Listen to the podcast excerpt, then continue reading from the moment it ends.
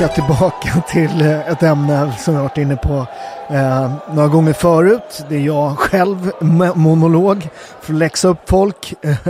Kroppen, hälsan, kosten, hur fixar man det där? Eh, det har ju aldrig funnits så mycket information, det har aldrig funnits så många kanaler, det har aldrig funnits så många inspiratörer, det har aldrig funnits så många rådgivare, det har aldrig funnits så många gym eh, och aldrig har folk varit tjockare.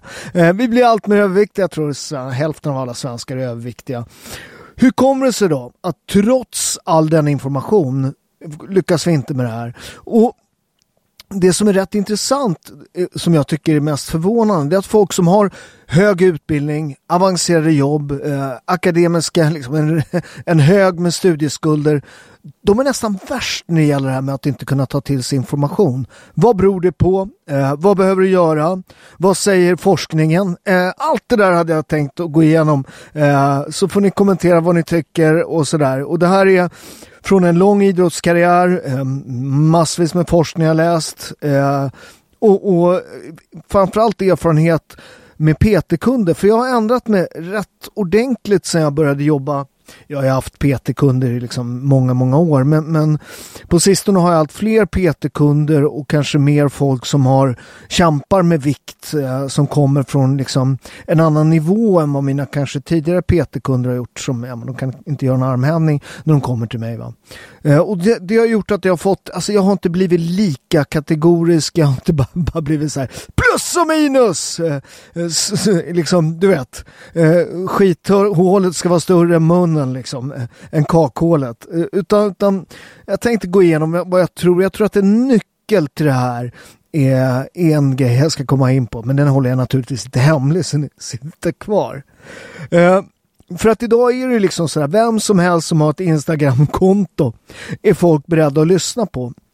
Uh, och bara de har lite magrutor, och inte ens det. Alltså, det. Det som nästan kanske är allra mest förvånande det är att folk som knappt kan göra en armhävning ger kostråd. Folk som, som, som alltså inte är speciellt vältränade. Jag ser många av de här influencertjejerna, De har ju för fan inte en jävla muskel på kroppen och ändå så ger de råd hur man ska bygga muskler och så är det alltså, rätt, alltså mycket av de här tjejgrejerna, förlåt, det finns killar som inte är så duktiga på det där heller. Men, men det är rätt mycket att man inte förstår hur, hur man bygger muskulatur, hur man liksom pressar kroppen på rätt sätt eh, för att bygga muskulatur. Det ska vi kanske gå in lite på också. Men jag, jag tror det absolut viktigaste är varför folk är beredda att bli lurade. För det är så.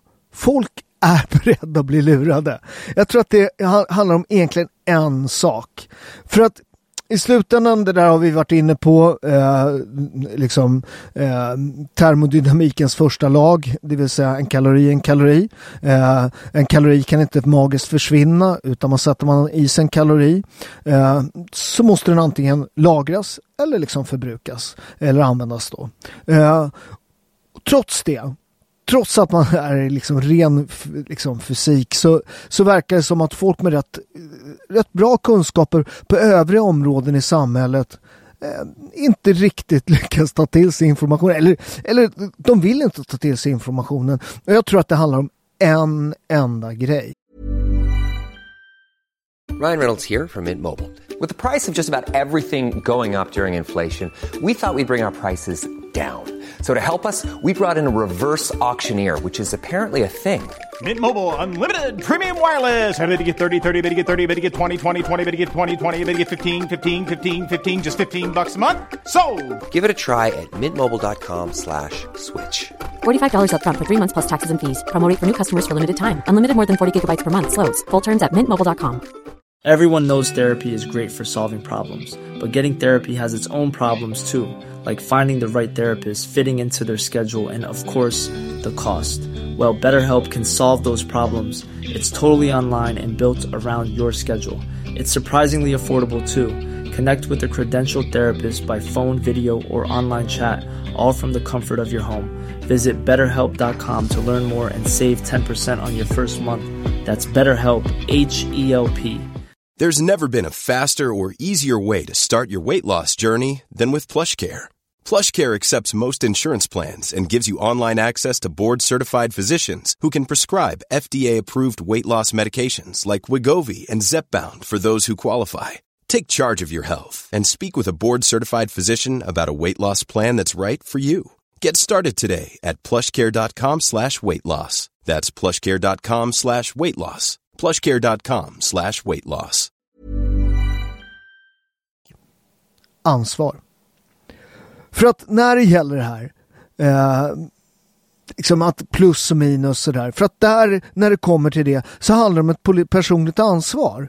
Eh, och jag tror att i ett samhälle där det, är liksom Alltså det är så jävla synd om alla människor. Det är klart att det är synd om människor eh, så, så, som väger för mycket och sådär. Men det är i viss mån självförvållat. Det, jag kommer komma in på det att det finns andra eh, andra komponenter i det här. Så det, det, men det är i slutändan så att du har ätit den här kosten. Du har ätit för mycket kalorier och det gör att du har gått upp i vikt. Och det där är liksom återigen, det kommer till personligt ansvar och det är något som vi så här, allt mer tycker mer illa om. Det är alltid någon annans fel. Vi ska ha lagar som förbjuder socker. Läsk ska liksom, mm, eh, ja, det ska finnas skatt på det och man ska liksom inte sälja grejer i, i butik och allt sånt där. Och det, det, liksom, det där med läsk till exempel och skatt på det. Det är inte så att den här läsken liksom eh, kidnappar dig på, på liksom ICA, hotar dig med pistol hela vägen hem och sen tar liksom ett brottargrepp på dig och tvingar sig i att du dricker all den här läsken. Utan det är ju faktiskt så att det är du som har druckit den. Men jag tror att den viktiga eh, informationen som jag tror ni ska ta med er från det här avsnittet eh, och det som, som under de här åren jag har liksom fått en lite mer Alltså, eh, eh, kunskapen har funnits där, men förståelsen för varför folk överäter. Det handlar om en väldigt, väldigt viktig sak som ingen, eller ingen, men, men få pratar om. Eh, jag har ju jobbat med träning. Det, är mycket av de här eh, supermetoderna eh, som jag menar, de, de, jag har varit med, jag har, jag har varit med så länge så att eh, från, från när, när jag började jobba med träning så, så var det så att man skulle äta var fjärde timme för att åt man inte var fjärde timme så försvann ju typ musklerna. Så folk tajmade de gick upp på natten en del människor åt för att inte, ja, de här, ja men du vet folk som alltid vill bli lurade. Eh, till idag, nu när liksom magin är fasta, nu är ju fasta liksom, det ska lösa allt. Eh, övervikten, det ska lösa, eh, jag menar, det, det, liksom, och, och, har man varit med, ni kanske inte varit med liksom så länge, men, men eh, om du tittar på hur det här sakta liksom förändrar sig liksom, med, med åren så var det LCHF som gjorde alla de här sakerna för ett år sedan. Eh, nej, för, ett år, för rätt många år sedan. Då har de hållit på med det, tio år kanske. Eh, men sen är det ju så att många av de här som liksom sysslar med de här quick fixen och de här magiska metoderna och du gör det här och kolhydrater är farligt och allt det där.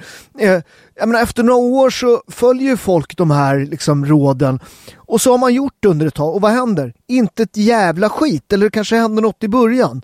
Eh, och det gör det om man, om man, om man följer en del av de här LCHF-råden. Och vet ni varför det händer? För man äter mindre kalorier. Det vill säga återigen, man gör den här plus och minusgrejen. Sen finns det en grej med protein som, som, där de har en poäng. Det vill säga att man blir mer mätt med protein. Men, men fortfarande, du kan vänta på vinegum om du vill. Det handlar om, inget att rekommendera, jag har sagt förut, men inget jag rekommenderar. Men, men det handlar om kaloriintaget. Och jag har ju hållit på länge nu. Jag skrev min första träningsbok. Det är faktiskt den mest sålda någonsin eh, i svensk eh, historia tror jag. Eh, den, är, den har hållit på 2008 har jag skrivit den. Vi, vi har ju rea på dem faktiskt nu på Robertus punktshop. De kostar 9 spänn faktiskt. Vi köpte ju upp hela lagret när jag eh, köpte en prostituerad kvinna som ni eh, omöjligt kan ha missat. Eh, och då, då, då slutade det ju Adlibris och säljare där för att de, för att de tyckte att det, det ja, det, och jag, en del kanske tycker det är moraliskt fel men man kan säga så här, de tog bort mina böcker eh, men, eh, men de har kvar Mein Kampf skriven av Adolf titlar. Så på robertus.shop så hittar ni 15 med Paolo, den mest sålda träningsboken någonsin. Bra att ta med på semestern. Eh, så dit ska ni, eh, om ni ska handla träningsbok till ett bra pris. Ska ni handla Mein Kampf så rekommenderar jag eh, med värme Adlibris. Problemet är också på det här med information kring det här och forskning på det här med mat. Att, att det är extremt komplicerat att, att forska just på mat. Eh, för att ett, det visar sig att när folk ska berätta, då, de här studierna när folk får berätta vad de har ätit, så ljuger folk något helt enormt. Va? Eh, man, man, har liksom, liksom man, man, och du tänk på det själva. Alltså ni brukar, alltså man, rent här, i rent självförsvar för sig själv. Eh, så här, Fan, jag äter jättebra här och jag går, går ändå sånt inte ner i vikt. Skriver man inte ner vad man äter kan jag lova er att ni kommer glömma bort kalorifällorna. Den där lilla chokladkakan, eh, den där läsken när man tankar, eh, den extra cappuccinon, det där är också en sån kaloribomb man sätter i sig utan att tänka på det. Det kommer ni, liksom, det kommer ni eh, missa att skriva. Och, och en annan sak som är problematisk med forskning, till exempel det här Eh, det visar sig ofta i studier att till exempel vegetarianer de lever längre och allt sånt där. Men när man dubbelkollar de här studierna eh, så är det så att vegetarianer är rent generellt eh, lite mer intresserade av sin kropp och de har ofta en del högre utbildning. det vill säga att andra faktorer som i andra undersökningar visar att folk som äter mycket skräpmat de dör naturligtvis tidigare och folk som och faktiskt också som har lägre utbildning och så har inte, har, lika, har inte lika lätt att sköta hälsan. Så jämför man den stora gruppen som inte är vegetarianer eh, med vegetarianer, då, då, då lever vegetarianer längre. Men tar man bort då alla de här som äter för mycket skräpmat och folk som har ungefär samma utbildning som vegetarianerna, då lever folk eh, som äter inte, som inte är vegetarianer, då lever de något liksom kortare eller något längre. Så, så att det problematiska med forskning på, på, på kosten, det, det är liksom eh, det, det är svårt att veta vad som är vad. Eh, det är svårt att veta exakt vad folk äter. Eh, för då måste man hålla dem inlåsta. De typerna av studier eh, idag, eh, alltså och ge folk fel mat och allt sånt där. Jag vet om man gjorde det i Sverige, det här när man provade med, med socker och det. När folk som var instängda på mentalinstitutioner som fick massa hål och allt sånt där. Eh, så, så att de är rent etiskt gjorde man ju sånt förr i tiden som man inte kan göra idag. Eh, i, I och för sig så skulle man kanske kunna forska på eh, interner men, men, där vet jag inte varför man är. Det finns säkert någon lag som säger att man inte får, eh, eh får göra det där. Eh, så, så, så, att det problematiska med det här det är att veta vad, det, vad som är vad. Jag brukar säga så här, eh, forskning kan visa att, att du blir röd på huden om du äter glass. Eh, för så är det. Eh, men tittar man på då var, eh, liksom, när man, när, om man gör bara en undersökning och tittar så här. När eh, äter man glass? Ja, det är under sommarmånaderna och då blir man röd. Eh, men det är ju solen som gör det. Eh, så att, så att det finns ofta problem med forskning och det blir ännu mer svårt att förstå eh, vad som är vad liksom, eh, när, när man eh, forskar på stora grupper under, under lång tid. Man, man, kan göra de här studierna när man liksom tittar på stora, stora befolkningsgrupper. Eh, de kan ju ge, liksom, ge riktning på saker men det är fortfarande inte eh, riktigt, riktigt liksom hundraprocentigt. Så, så, eh, så där är ett problem. Men, men jag kan säga att jag har varit med länge eh, och folk som är kvar länge i den här branschen. Eh, som jag säger 2008 skrev jag min första träningsbok.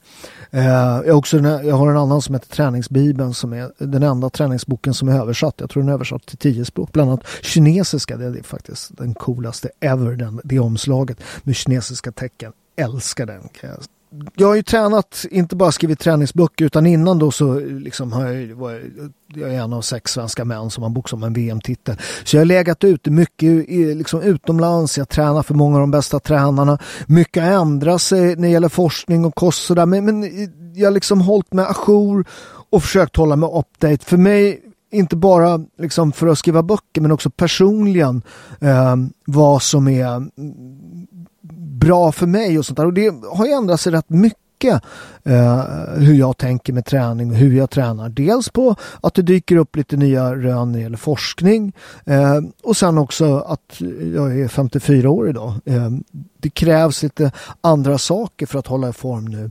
Eh, och det är ofta folk skyller på fel saker. Jag brukar säga så här, eh, ofta när man kommer upp med åren så tränar man inte tillräckligt hårt när man ska träna hårt och man tränar inte tillräckligt lätt när man ska träna rätt. Lätt, utan man kör någon sån här mellansak. Va? Eh, och då är det ofta att man kan bli övertränad eller att man inte blir tränad alls. Och det tittar jag ofta på när jag är på gym, att folk så här, de tar inte i. Eh, och det är återigen det här med att bygga muskler. Du måste kunna liksom utsätta hypotrofi, det vill säga att du ska få sår i musklerna och när man sen äter och vilar så kommer man få större muskler. Då. Eh, och du behöver liksom, och det gör lite ont, eller det gör jävligt ont. Eh, och man måste ta i för att det ska bli någonting. Och man måste hålla muskeln så mycket som möjligt eh, kontraherad. Alltså du måste spänna muskeln så mycket som möjligt och ha den under spänning så lång tid som möjligt. Antingen repetition eller statisk träning. Eh, och det ger resultat. Så ofta när man tittar på de här alltså när de gör jävligt komplicerade och det är liksom nästan eh, mycket de här rumpträningen tjejer håller på med. Alltså, det vill säga du håller inte muskeln i spänning tillräckligt mycket. Du använder inte tillräckligt mycket tyngd i övningen. Och där ofta tjejer, men jag vill inte se ut som en bodybuilder. Och, och sådär. Jag ska bara berätta, jag har tjejkompisar som har tävlat i det där, fitness och det. Du kommer inte se ut som en bodybuilder. Nummer ett, eh, du har liksom inte förmågan att pressa det till den gränsen det tar för att bygga den muskulaturen. Och det är inte så att du går på gymmet tre gånger och så helt plötsligt kommer du se ut som, som en bodybuilder. Och jag kan säga att många av de här tjejerna käkar ju också hormoner. Inte alla, men en del gör det. Eh, så, så, att, och den dagen du tycker att du börjar se för stor ut så är det så här, träna inte lika hårt då. Ta bort ett pass i veckan och då kommer det där inte vara ett problem längre. Så, så att och då återigen, jag ska komma in på det varför muskler och muskelträning är otroligt viktigt. Men det kommer lite senare. Men om vi nu ska komma in på det här som jag har liksom det viktiga med det här med att liksom eh, det jag har lärt mig under min resa med mina kunder och de som lyckas, för det är inte alla mina kunder som lyckas, men, men, men eh, du vet det med eget ansvar, det är inte alla som klarar av det här med maten och, och sådär när de är själva. Eh, och det finns en del faktorer här, en del grejer som gör att de inte lyckas och skillnaden på de som lyckas. Eh, och det där har gjort att jag har gått från att vara liksom en rätt militant sådär, eh, du vet, kaloriminus, sluta tjafsa, gråt inte, sluta suga på tummen. Eh, I viss mån jag, tycker jag lite så fortfarande. Men, men det finns en helt annan liksom, eh, faktor här. Jag såg i den här undersökningen här, och det finns en tidning som, där man publicerar jävligt mycket forskning som heter Obese Woman. Eh, och där såg jag en undersökning där väldigt många av tjejerna som var överviktiga också hade varit utsatt för övergrepp. Eh, att sexuella övergrepp, eh, de hade fått stryk hemma. Eh, så, så att och där kommer vi till själva nyckeln till det här. För att folk som har riktiga problem med det här med kosten, det handlar inte om vad du äter. Man har tittat för mycket på liksom, eh, ämnesomsättning. Man har tittat för mycket på eh, matens innehåll och allt sånt där. Jag tror alla vet. Om man tittar på en hälsosam tallrik och så tittar du på en tallrik du blir tjock av. Eh, alltså, du vet hyfsat väl. Det, det, det är klart att du kan skruva på det rätt mycket om du ska bli vältränad. Men för att inte bli tjock Eh, så vet du vad du ska äta, de flesta. Eh, du vet eh, vad du ska äta och du vet vad du inte ska äta. Varför gör man det då? Eh, för att egentligen är den här ekvationen väldigt, väldigt enkel. Plus och minus. Varför funkar inte det? Jo, det handlar om att vi äter ju inte bara av hunger utan vi äter rätt ofta av helt andra anledningar. Av emotionella skäl. Du äter för att du, att det är tråkigt. Du äter för att du är ledsen. Du äter för att du är stressad. En jätteviktig grej när det gäller det där är sömn.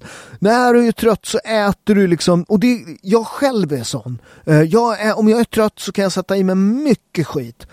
Plus att om jag tittar på mina kunder eh, så är det väldigt lätt att, så här, att hålla koll på kosten i veckorna. Du har ett schema, eh, du har liksom rutiner, eh, du vet vad du äter, du vet när du äter. Trots att du har mindre tid så äter kunderna bättre i veckorna.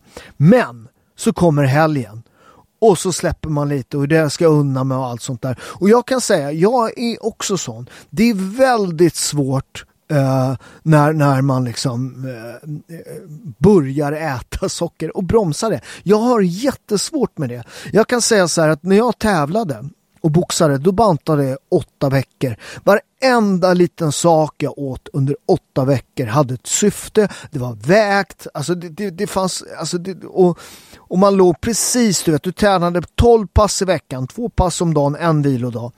Uh, så det var en enorm liksom påfrestning för kroppen. Därför var det extremt viktigt om man skulle klara sin viktklass. Jag, jag boxade liksom i eh, vältevikt. Jag har ju boxat VM-fight i tre viktklasser. Jag är faktiskt den enda svensk som har gjort det. Men min riktiga, riktiga viktklass var vältevikt. När jag var uppe och mötte Arman var jag uppe två viktklasser. Det var ju alldeles för tungt för mig. Men, men jag var tvungen att, att försvara min ära.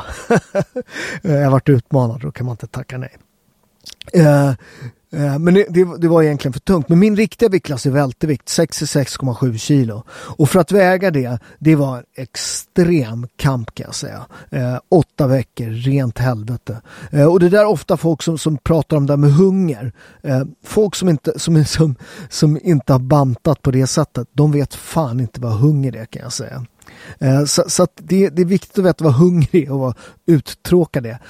Men, men, men även jag när jag slutade, liksom när jag bantade åtta veckor. Alltså... Hej, jag Ryan Reynolds. På Mint Mobile, we like to do the opposite of what Big Wireless does. They charge you a lot, we charge you a little. So naturally, when they announced they'd be raising their prices due to inflation, we decided to deflate our prices due to not hating you. That's right. We're cutting the price of Mint Unlimited from $30 a month to just $15 a month. Give it a try at mintmobile.com slash switch. $45 upfront for three months plus taxes and fees. Promo for new customers for limited time. Unlimited more than 40 gigabytes per month. Slows. Full terms at mintmobile.com.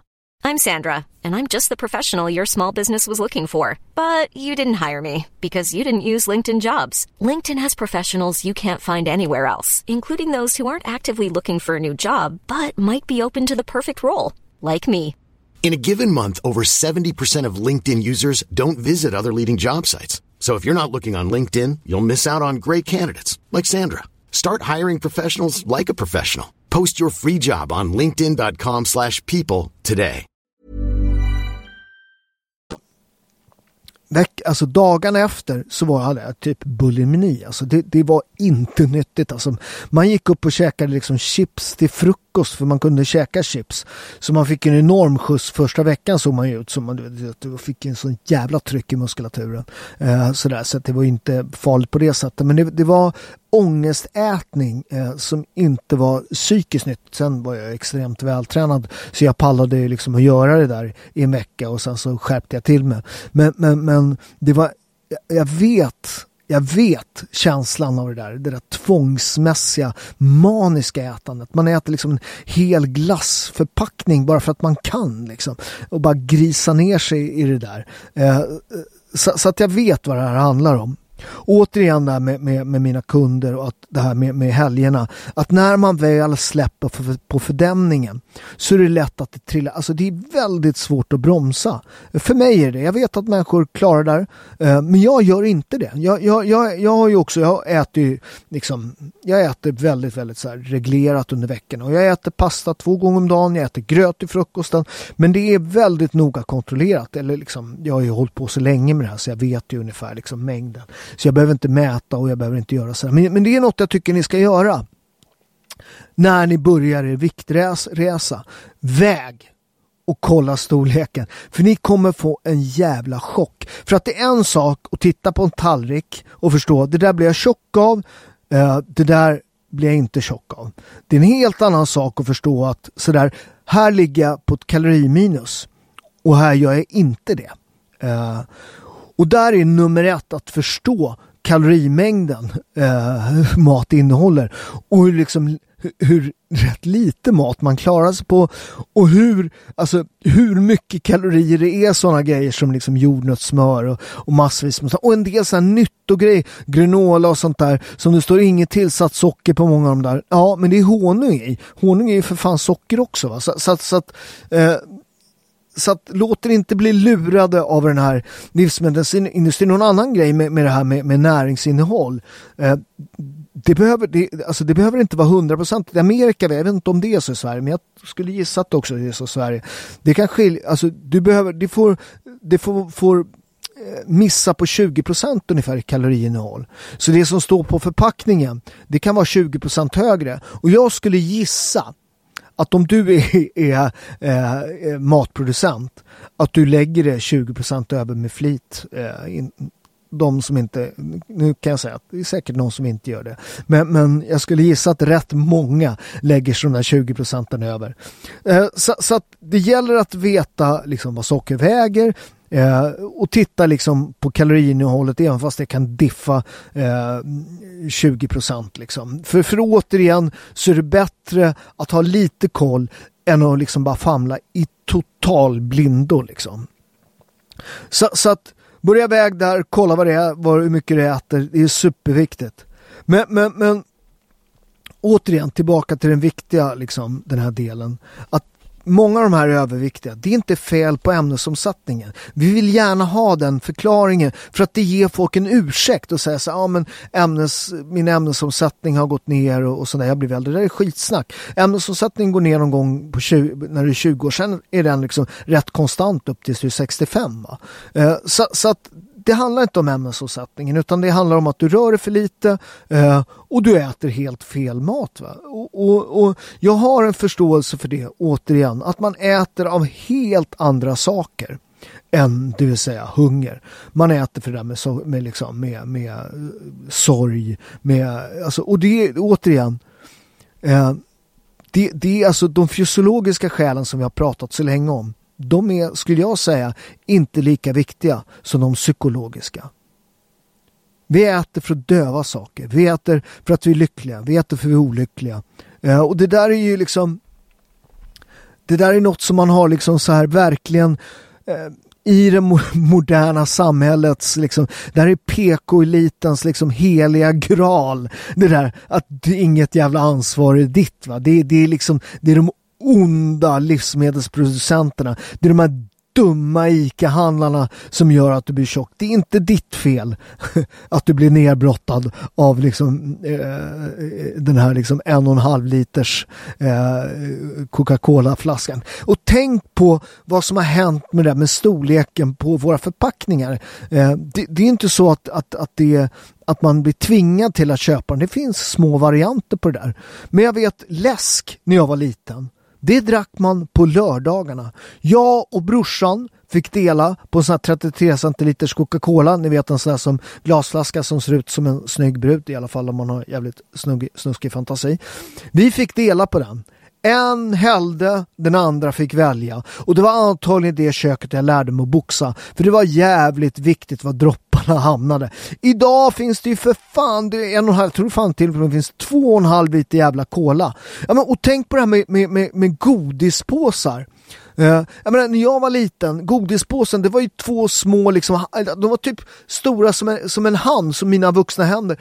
Två sådana uh, eh, vita papper som var hoplimmade.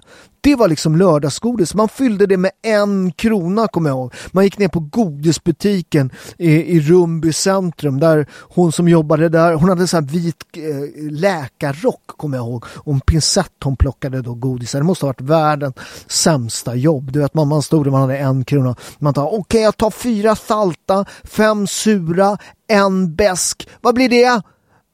Ja, ta ur, ta, ta ur en saltis, ta in, du vet, och så höll man på sådär och valde precis som man skulle få rätt liksom. Hon ville ju skjuta sig själv där kärringen. Men, men, men, men eh, idag är ju för fan de där Idag är de ju för fan fyrkantiga i botten, de där jävla godispåsarna. Du får ju fan in, in ett par kilo godis. Det är lite skillnad på lördagsgodis eh, 1975 och idag. Och, och fredagsmys! Vad fan är det? Tänk dig det när, när de här liksom, eh, OLV var det som började med det, var det inte det? Som gick till den här reklambyrån och sa Du, jag skulle vilja att folk äter eh, lördagsgodis på fredag. Hur fixar ni det? Vänta, jag ska bara ta lite kaffe här. Hur fixar ni det? Ah, det är en svår, eh, svår nöt att knäcka satte de sig ner, gnuggade geniknölarna och så kom de på det. Fredagsmys! Fan ett tag sjöng ju för fan ungarna där i, i, i livsmedelsbutiken och helt plötsligt åt folk lördagsgodis eh, på, liksom, på fredagen. Och tänk på liksom ställen man idag kan köpa eh, alltså dålig mat, det vill säga kalorifylld mat, godis, eh, snacks, läsk och det. Alltså det finns ju överallt, till och med på tunnelbanan idag. Du behöver inte ens gå från perrongen. Det finns automater du kan liksom stoppa in kortet och så pling så har du en chokladkaka. Va? Och det där blir jävligt svårt för folk som har problem med det här med maten att bromsa. När det konstant finns tillgång, återigen, eget ansvar och allt sånt där. Men där har jag liksom svängt lite mer. Men, men, men, men att det liksom, det, det, det, det, det är också eh, en viss mån att det är svårare idag än vad det var en gång i tiden. Om man tittar på gamla bilder på badstränder från liksom när jag var ung på 70-talet. Det finns inte, om du tittar 100 personer, finns inte en enda person som är tjock på de där. Det är vårt sätt att leva som har gjort det. Det är datorerna, det är mobiltelefonen. Folk går inte ens ut längre. Va? Men för att förstå det här med ämnesomsättning, eh, med liksom förbränning och allt sånt där. Eh, så finns det ett par grejer folk som jag tycker är rätt viktiga det här. Eh, för, för till att börja med så har du något som kallas basämnesomsättning, det vill säga eh, det vill säga att du har en, bas, en, en energiåtgång som är för att, hålla, vad ska man säga, för att hålla ly, lyset på. Det vill säga hjärta, lungor och allt sånt där. Eh, du gör ingenting, den liksom, omgång, eller energin som krävs och den delen är rätt stor, det vill säga mellan 50 och 70 procent, upp till 70 procent kan vara basämnesomsättning. Eh, och där är en rätt viktig grej som jag lovade komma tillbaka på, det här med muskler. För att om du tittar på alltså själv styrketräning. Jag kör ju nästan bara styrketräning enbart med kroppen. Jag gör armhävningar och allt sånt där. Där får jag ofta kommentarer av folk som säger så här. Ja men vadå, hur får du tyngd i övningarna och sånt där. För man kan ju, det finns en poäng i det där. För att det, det är en, man säger så här, mellan, mellan en till 5-6 repetitioner tränar man först och främst styrka. Mellan 6 till 15 någonstans eh, så tränar man, eh, alltså, det vill säga bygger man stora muskler och över det så bygger man uthållighet. Eh, och där flyter naturligtvis in i, du, du kan göra 100 armhävningar också och bygga styrka och bygga muskler så, så, att, så att det flyter in i varandra. Men om man ska optimera antalet repetitioner eh, för att optimera då träningen för det man vill så ligger det där. Eh, och där är det rätt viktigt att bygga muskler. Eh, och alltså är det en grej man ska göra för att liksom eh, hålla liksom kroppens ämnesomsättning uppe, det är att ha muskler. För att när du vilar, det finns ingenting som kräver så mycket som muskler. Eh, hjärnan i och för sig. Men, men, men, men, men den tar 25 procent av vårt energiintag. Så, jag tar tillbaka det. Men, men, men muskler kräver otroligt mycket energi i vilande läge. Så någon som är muskulös eh, den krä, alltså för att hålla kvar musklerna kräver det massvis med energi. Så, så att om man bara tittar på det här med hur mycket kalorier bränner jag eh, när jag tränar. Eh, då vill man ju ofta mycket med, med, med, med träning, så, ah, men jag vill ha så, bränna så mycket kalorier som möjligt. Men det, det är en rätt liksom, eh, enögd liksom, vy av liksom, det här med förbränningen. Är. För att du vill ju ha det viktiga under hela dagen. Eh, det vill säga hur mycket gör kroppen av med. Och du kan öka din basämnesomsättning genom att ha mer muskler. Det vill säga det kostar mer att ha lyset på. En annan grej eh, som, som, det har prat, som det pratas mer och mer om som är rätt viktig, det kallas NAT. Det, det vill säga eh, den här omedvetna, du har ju, har ju den här basomsättningen, sen har du träning som förbränner och sen så har du något som kallas nets, det vill säga, det vill säga eh, nit, förlåt, eh, som kallas nit, eh, som, som är den här, de här små sakerna som man gör, man liksom eh, när man sitter still, man låter foten gunga lite, eh, fingrarna eh, när man funderar så, så, så rör de sig lite och sånt där. Och tittar du på den här kompisen du har, du har som är rätt rippad eh, så tänker du, eh, den här som tänker jävlar han kan äta eller hon kan äta vad hon vill liksom. Eh, och ändå så, så jävlar vilken ämnesomsättning hon har eller han har. Titta lite på hur de har svårt att sitta still. Eh, att de ofta rör på fingrar, att de har eh, eh, att det, det, att det att de gör av med mycket energi utan att tänka på det. Och det är det som är de här eh, NIT. Alltså det, det är den här omedvetna rörelsen som allt mer verkar vara jätte jätteviktig för att få hög förbränning och det där kan du inte riktigt slå på.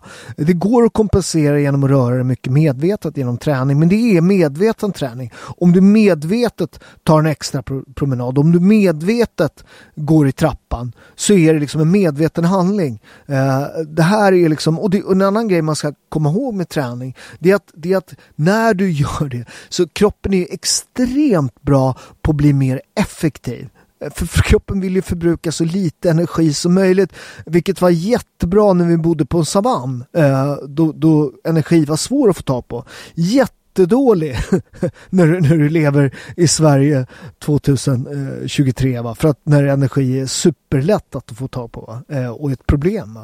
Eh, så, så, så, så, att så att vad, vad, som händer, jag såg en intressant studie på de här, alltså det finns något som kallas Pursue Hunting. Jag vet inte om ni läste den här boken Born to Run som jag läste som, som, som ja, den, den, den var inspirerande men något, eh, den drog lite för mycket åt det här att löpning botade allt. Men det var rätt intressant det här med att, att stammar, antagligen inte alla, men, men vissa stammar. Det finns fortfarande sådana kvar. Eh, en i Mexiko Tarahumara tror jag att de heter och det finns stammar i Sydafrika som sysslar med något som heter pursue hunting. Det vill säga att de hittar en antilopjäkel och så tänker de den där plockar vi och så börjar de jogga efter den där. Och antilopen den drar ju så det bara liksom, och de ser inte, men de är extremt bra på att spåra de här. Eh. Så att de joggar i timmar. Tills jag såg, det, fin, det finns på nätet, om ni googlar på det på Youtube så kan ni se när de gör det här. Och där finns det någon jag såg, någon antilop de jagade, någon bantamstam i Sydafrika som, som jagade den här. Och till slut, alltså den här antilopen, den hade gett upp. Alltså den var helt, den bara stod still, den var helt apatisk till slut. De gick fram och stack den med, med spjutet. Va? Men tittar man på ämnesomsättningen på de här, eh, man, man, man tänker att de där som kan springa liksom i åtta timmar utan problem, eh, de måste ha en jäkla förbränning. Nej, utan det, det är som, som vi är ute och promenerar. Utan kroppen blir liksom, den blir van, den, den, den, den anpassar sig efter, liksom, efter det här med, med, eh, med hur mycket man liksom rör på sig. Och är det något man gör varje dag så blir det att den effektiviserar. Och det är därför det här med träning om man tittar på hur byggare gör. Eh, det är inte mitt sätt att träna. Men, men de, de, det här är säkert, det här, nu, det här är inte mitt ämne, men, men i, i stort sett gör de så här. Eh, ni får skriva in och klaga på mig. Men de, de kör ju ett program då i ett visst antal månader. Jag skulle säga tre. Eh, och sen så efter det så börjar kroppen anpassas efter det här. Och då ändrar man lite för, för att kroppen då inte gör av med mycket, mycket eh, energi. Den blir, inte, den blir för effektiv och då får du inte rikta mycket liksom, nedbrytning av muskulaturen. Då kommer du inte kunna byt, bryta, liksom, eh, bryta eh, bygga mer muskler. Eh, så att effektiviteten blir bättre när du gör en övning tillräckligt mycket. Därför måste man ofta variera träning. Och, och det är samma sak med löpning. Eh, som jag tittar mycket av mina kunder som säger så här, ja men jag har ju sprungit här och, och det gick jättebra i början, jag fick bättre kondis eh, och jag gick ner i vikt och allt sånt där. Men nu, nu, nu händer ingenting, jag har sprungit samma, samma eh, liksom, så, då är man så här, jaha hur springer du då? Ja, du joggar i samma tempo, eh, samma runda, det har de gjort i liksom tio år. Och då, då, då slutar utvecklingen. Du, du, det, det är klart att ibland är det tillräckligt och man behöver inte hela tiden utvecklas och allt sånt där. Löpning för mig sådär, det, det, jag, jag sysslar med kondition på ett annat sätt. Löpning för mig är inte vikthållning, eh, det är inte eh, liksom konditionsträning, det sköter jag på annat sätt. Utan löpning är för mig totalt meditation. Jag älskar att springa på morgonen. Det är den bästa starten på dagen. Det, du, du, du tar in dina dåliga känslor, du stampar ner dem i asfalten. Och det finns, alltså det finns, vad som än har hänt dig eh, så finns det ingenting som inte är lite bättre eh, efter att ha dragit av ett riktigt jävla löppass.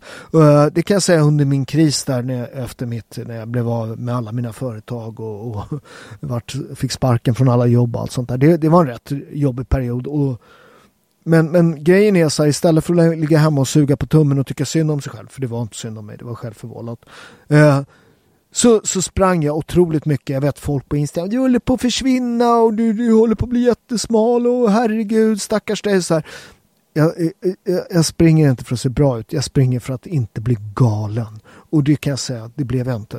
Och jag höll med, kunde sova på nätterna trots eh, rätt ångestfyllda dagar där. Eh, med pressen som stod på min tomt och allt sånt där. Så, så, så att eh, så, så att löpning springer från andra så att, och ska man hålla vikt så är liksom muskler jätteviktigt. Eh, så, så att till tjejer, speciellt mina kunder så, här, så, så om man får banka in det i huvudet. Så här, vi, vi ska göra tunga armhävningar, vi ska lyfta tunga vikter. Sen kan man inte börja med det för skaderisken är stor och allt sånt där. Så, så det, det, där med mina folk tror att jag bara liksom mörsar kunderna. Eh, men, men, eh, det gör jag inte utan för mig är det viktigt att kunder håller länge. Det är liksom livslång eh, träning som ska vara det viktiga.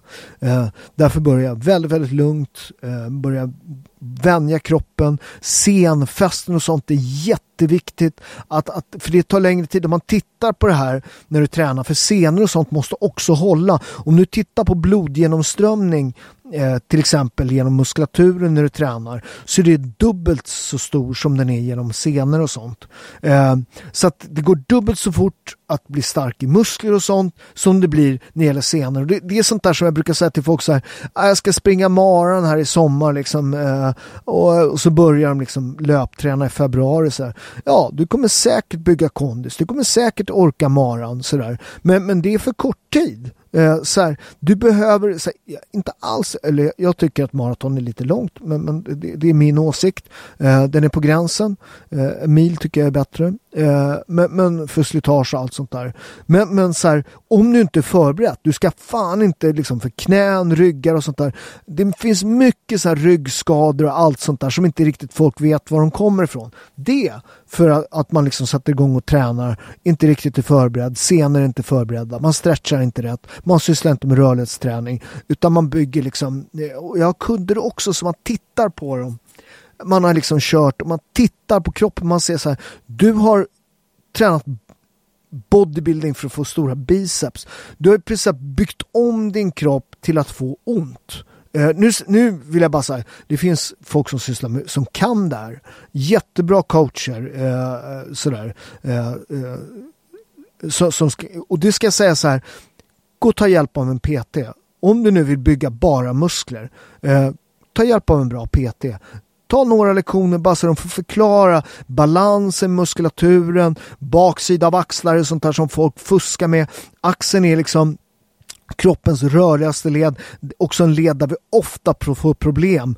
Och där kan man ibland träna sig till problem, att man bygger, alltså man blir för stark på framsidan, för svag på baksidan. Så ta hjälp av en, och återigen, inget eh, illa om, om att träna för att få stora muskler. Inte min träning. Jag tycker man kan göra roligare saker med träningen och allt sånt där och, och bättre saker. Men, men eh, vill ni träna för att bygga massa muskler och tror att ni får ligga mycket, mycket mer för ni har massa muskler. Det får man faktiskt. Men, men, men, men, men, men ta hjälp av en bra PT då som kan det där liksom. Eh, eh, ska jag säga. Eh, så, så, så att eh, men, men jag för mina kunder och för mig personligen eh, så är träning och sånt där, det är en livslångt, liksom, det är en livslång eh, commitment. Eh, ett åtagande som förhoppningsvis började idag för den som inte har börjat. Och, eh, för, eller rättare sagt, kanske börjar idag om ni blir inspirerade av det här. Eller förhoppningsvis började för många, många år sedan för er. Eh, och ni lyssnar. För, för, för problemet med sådana här poddar det, det är att det är bara folk som redan är frälsta som lyssnar på sånt där. jag, vet, jag vet att det är en del andra som gör och, och jag vet att många har gått ner i vikt när de har lyssnat, eh, läst mina inlägg och sånt där. Men, men rätt mycket är det folk som är redan frälsta som lyssnar på sånt där. Utan, utan eh, de här som har problem med det här, de, de, söker sig ofta till där de blir bekräftade i det här att det är någon annans fel att man är tjock och där man slipper ta eget ansvar och du vet, eh, du vet det är fat shaming att säga att det är liksom kalori minus och allt sånt där utan det, det man har på något konstigt sätt. Och det är så här, även, även om du har ämnesomsättning, vilket är väldigt, väldigt om, o, ovanligt, även om din ämnesomsättning är något fel på den, eh, så gäller samma princip fortfarande plus och minus. Det, det är liksom, man kommer inte ifrån den. utan eh, vill man gå ner i vikt så är det plus och minus. Och, och det, det, blir naturligtvis eh, mycket, mycket krångligare när det gäller, eh, när det gäller eh, eh, eh, om man har ämnesomsättning som är lite fucked up. Men ska man träna för longevity, alltså longevity, eller liksom att leva ett bra, ett långt liv, att hålla sig liksom frisk, eh, så, så ska man ju titta på folk som, är, som är, lever länge och är friska. Och tittar du på det här, det, man forskar ju på det här, det heter blå zoner det här. Jag har pratat om de här förut men det, det, man kan inte nog poängtera vad som är viktigt med det här. Eh, och tittar man på de här blå zonerna så är det liksom, det, det, man, man äter måttligt, det finns liksom ingen speciell diet liksom. Eh, och det finns liksom Alltså det, man säger ät de här bären, eh, eh, ät den här yoghurten för att då blir man liksom hundra år och så här.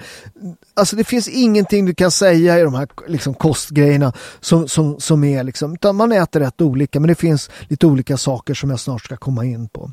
Men en otroligt viktig del är att ni måste träna på styrka.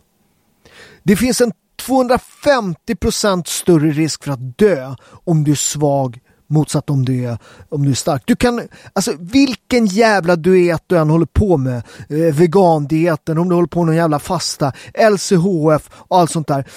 Alltså kom inte och snacka med mig om du inte har den styrkan. För det finns forskning på det här med greppstyrka.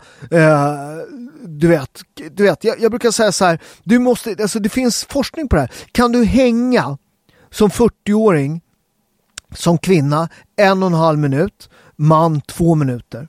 Det är vad man ska kunna hänga eh, för att liksom eh, ha optimal styrka. Jägarvila, alltså mot en vägg, två minuter.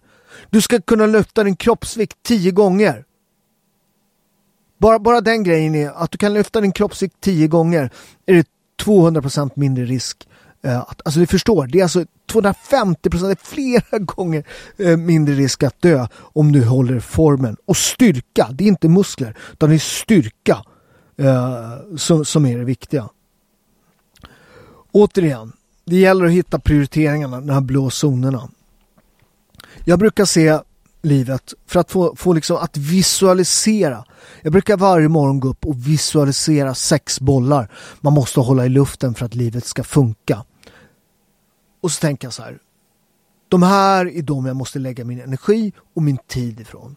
För att det är så här, det, det, planerar du inte för något, då kommer det aldrig hända. Du vet, att, att, att, att planera, det är att liksom göra dina, synliggöra dina drömmar. Så är det. Hamnar det inte i ditt schema så kommer det aldrig hända. Så varje morgon går jag upp och visualiserar sex stycken bollar livets djungleri. Sex bollar måste hålla i luften för livet ska funka. Tre av bollarna är av gummi, tre av bollarna är av kristall. Skillnaden på en gummiboll och en kristallboll är naturligtvis tappar du kristallbollen går den sönder. Gummibollen studsar. Så alltid fokus på de tre kristallbollarna. Men gummibollarna måste också ta, få ta sin tid. Nummer ett av gummibollarna är ditt jobb, ditt yrke, din karriär. Vi tillbringar mer tid på jobbet än någon annanstans. Det är otroligt viktigt att man hamnar på ett ställe där man trivs. Eh, där, där, man, där man utvecklas. Och det, det, behöver inte vara världens, liksom så här, jag menar jag jobbade på dagis när jag var tonåring, när jag varit utsparkad i skolan. Det var en av de roligaste jobb jag gjort, leka med barn. Det var fantastiskt, jag skulle tänka göra, göra det igen. Jävligt roligt att leka med barn kan jag säga. Och, och otroligt stimulerande att få vara med i barns liksom, utveckling och sånt. Så det handlar inte alltid om att ha det här super hyperkreativa jobbet, men du måste trivas, du måste liksom och du, är man kvar på en plats där man inte trivs. Det, jag säga, det, det, det, förändring är alltid jobbigt. Att byta arbetsmiljö, att byta vänner, allt sånt där. Eh, det är jobbigt. Men ingenting är så jobbigt som att vara kvar på en plats man inte har hemma. Så jobbet är jätteviktigt för ni tillbringar mycket tid där. Nummer två är dina pengar. Människor som säger att pengar inte är viktigt är människor som aldrig varit utan pengar någon gång. Pengar är otroligt viktigt och det är det som betalar maten på bordet. Utan mat på bordet så svälter man. Punkt. Nummer tre är dina materiella saker. Huset, bilen, platt-tvn. Eh, och det där säger ja, det materiella saker betyder ingenting för mig. Ah, tjena. Vad kostar bostadsrätten? Du har väl platt-tv? Du har väl en snygg dator? Du lägger mycket saker på det och det, det, det finns ingen, alltså gör jag också, det finns inget dömande i det där. Utan det är en viktig del i livet. Eh, och det, det, det är vad man omger sig med, det är viktigt. Eh, jag brukar tänka på mitt andra hemland Italien. 75% av alla kulturskatter finns i Italien. När man öppnar dörren i Italien, kliver ut på gatan, är det en kulturell upplevelse. Bara vår, min lilla stad eh, utanför Neapel som heter Maddaloni. Den har 33 kyrkor, tre medeltida försvarstorn, ett romerskt tempel, en etruskisk mur. Alltså det är en fantastiskt vacker stad. Och det påverkar en i själen kan jag säga. Så det är viktigt med saker man omger sig med. Men man får aldrig förstora, förlora fokus på de tre kristallbollarna. Den första kristallbollen är dina nära relationer. Din familj, dina barn, dina nära vänner. Jonglerar de där gummibollarna för mycket, jobba, jobba, köpa, köpa, så kommer en dag sitta i den där stora lägenheten i en dyr designersoffa, titta på en gigantisk platt-tv. Men du kommer vara själv i den här tv-soffan. Och Sverige är ett rätt ensamt land. Sverige har mest ensamhushåll på jorden. Stockholm den stad på jorden som har ensamhushåll. Jag själv flyttade hemifrån tidigt, precis som alla andra svenskar. Åkte ner och skröt för mina kusiner i Italien. När ska ni köpa lägenhet? Och du vet sådär. De bara, eh, varför då? Varför ska jag köpa ny lägenhet? Ja, men du vet, så att du kan äta själv och eh, titta på tv själv och prata med ingen. Det är rätt konstigt för ett flockdjur att vilja vara själv. Var fjärde människa som dör på sjukhus i Sverige dör själv. Det är en otroligt tragisk siffra som inte är värdigt ett land som Sverige. Det är inte värdigt något land. Så ring farmor. Det finns otroligt mycket forskning på det här. Vi pratar om de här blå zonerna. En av de absolut viktigaste grejerna inte att äta några jävla godjobär eller vad fan folk äter för att bli gamla liksom. Eller dricka någon speciell yoghurt. Det är starka sociala nätverk. Man umgås i familjen, man umgås med vänner, man håller ihop.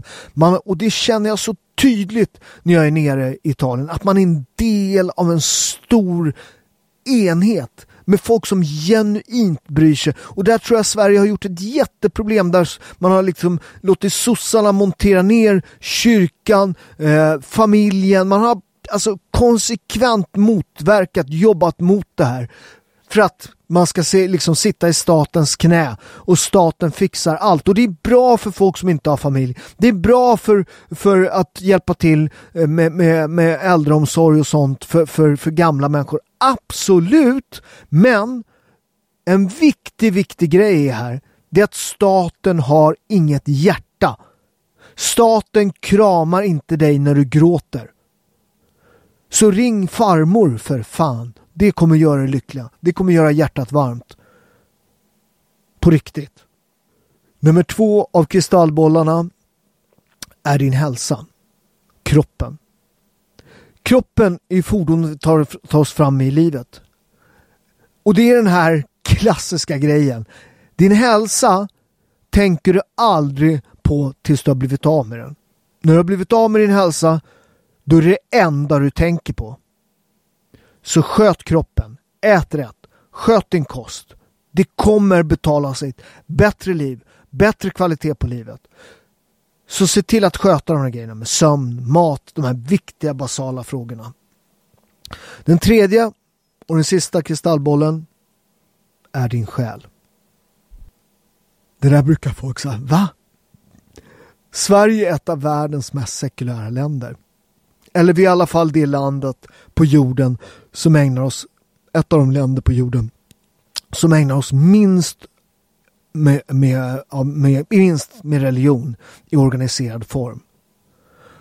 Och det där tror jag är ett problem. För att vi försöker intellektuellt lösa emotionella problem. Det går inte att bota allting med piller. Olycka handlar ofta om emotionella saker. Och har man ingen förmåga att kommunicera med sin själ, med det inre, så blir det jävligt tomt. För filar man för mycket på ytan så blir det jävligt tomt i bröstet. Jag säger inte att alla ska börja gå i kyrkan igen. Jag säger inte alla att jag tror Gud finns. Men jag säger inte att alla måste tro det. Men jag tror att du måste hitta ett sätt. För alla religioner handlar egentligen om en sak. Det handlar om en förmåga att kommunicera med ditt eget hjärta. Livet blir jävligt tomt om det inte finns något själsligt. Återigen, emotionella problem går inte att lösa intellektuellt utan det måste man lösa emotionellt. Och det är exakt det religionen har gjort. Och det finns en enorm styrka. Vi kanske aldrig får tillbaka det. Men jag kan säga om man är nere till exempel i Italien under långfredagen. Den enorma kollektiva energin, speciellt i Syditalien där, liksom, där 80-90 procent är troende.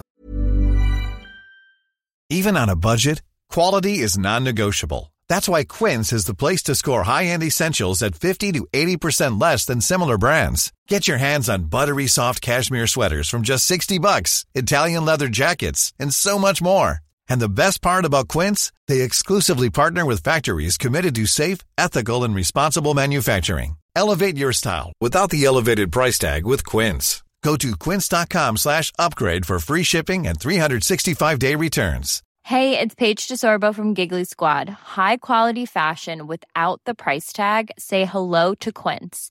I'm snagging high-end essentials like cozy cashmere sweaters, sleek leather jackets, fine jewelry, and so much more. With Quince being 50 to 80% less than similar brands. And they partner with factories that prioritize safe, ethical, and responsible manufacturing. I love that. Luxury quality within reach. Go to quince.com slash style to get free shipping and 365 day returns on your next order. Quince.com slash style. Den enorma styrkan när en liten stad som vår utanför Neapel med 40 000, det är inte så liten i och för sig, men med 40 000 invånare. När en hel stad är engagerad i samma andliga handling det finns en enorm styrka i den här gemensamma saken. Och det där tror jag är, det, det finns en del forskare som hävdar att just religionen har gjort att vi har kunnat organisera oss i stora grupper. Det är en av de absolut viktigaste sakerna för att liksom sluta folk samman. Och i då religionens alltså minskade betydelse i västvärlden så är det också svårare att hålla ihop den här. Folk hittar nya religioner. En del har nästan politik som religion. Eh, feminism. Eh, eh man, man, alltså många av de här i miljörörelsen. Eh, de, de har ju liksom, de ägnar sig åt det här som en riktig, alltså som en riktig religion. Man, man, man får liksom inte ifrågasätta klimatrörelsen för nu är man klimatförnekare. Känner ni igen det här? Du vet, det är ju religion. Va? Det, jag menar, klimatrörelsen har sin egen eh, Messias, va? Greta. Så man liksom, pratar man skit om Greta så är man liksom eh, ja men är man ond. Va? Hur, du vet. Och, och, och, du vet. Och man är så här ja men hon är bara ett barn. Nej, det är hon inte. Vad är hon? 19 bast nu. Hon är vuxen. Hon går och kritiserar så mycket som helst som alla andra. Eh, så, så, att jag säger inte att ni behöver tro på Gud. Jag säger bara att ni måste lära er att kommunicera med hjärtat. Jag är själv katolik. Jag tycker det är en väldigt, väldigt bra sätt. Ett uråldrigt, 2000-årigt europeiskt sätt att komma i kontakt med, med, med sitt innersta. Och alla de här helgonen, alla bönerna, allt det här är att visualisera känslor. Det är för att synliggöra dina känslor. Jag har ju den hela Mikael tatuerad på min rygg. Eh, som ibland hjälper, ibland hjälper den inte. Ibland så glömmer jag honom eh, och, och, då går det åt helvete. Men Mikael, det är ju, är ju, är ju symbolen för striden mellan gott och ont. Mikael är en av de sju ärkeänglarna. Eh, det är också Lucifer. Han är ju en ängel från början. Eh, eh, och han vägrar ju lyda Gud. Han säger jag är också gudomlig. Och så blir det en strid mellan de goda och de onda änglarna. Eh, de goda leds av Mikael, eh, Mikael Michele på italienska, det är också min eh, stads skyddshelgon i, i, i Italien. Och de onda leds av Lucifer. Lucifer betyder ju ljusbärare, bara så att ni är medvetna om var han kommer ifrån. Och, och, och Mikael vinner, han kedjar Lucifer, kastar honom ur himmelriket. Eh, och det är också den, den symbolen eh, som jag inte alltid lyckas med. Att, men, men ofta när man gör dumma, dumma saker, det är att man, så här, att man visualiserar liksom den här, liksom, man sätter bilder på dina känslor. Det vill säga de onda känslorna är Lucifer, eh, de goda är Mikael. Eh, det finns en otroligt rolig napolitansk storytelling ska, som jag bara ska dra. Eh, ehm, eh, det här är så bra. Ehm, ehm, när den här striden, man berättar den precis som i Bibeln, att striden med de goda och de onda änglarna, Mikael vinner, han kastar Lucifer ur himmelriket, napolitansk storytelling. Här börjar själva storytelling. När Lucifer faller ur paradiset så lyckas han slita loss en del av paradiset. Men i fallet så tappar han den här delen av paradiset och den hamnar på Vesuvius sluttningar, det vill säga där Neapel ligger. Eh, och när Kristus ser det här eh, så, så börjar han gråta och där tårarna faller så växer vin, vinranker upp. Eh, och de här vinrankerna heter Lacrimi di Cristo, Kristi tårar. Så det finns ett vin i Neapel som heter Kristi tårar. Eh, jag tycker vi avslutar med det. Kristi tårar. Ha en underbar dag. Eh, in och handla på robertus.shop. Eh, vi har en träningsapp, eh, 15medpaolo.se där ni har 15 minuters pass som ni gärna får köra med eller så kan ni köra hemma. Men 9 spänn kostar eh, Sveriges mest sålda träningsbok 15 med Paolo på robertus.shop. Tack!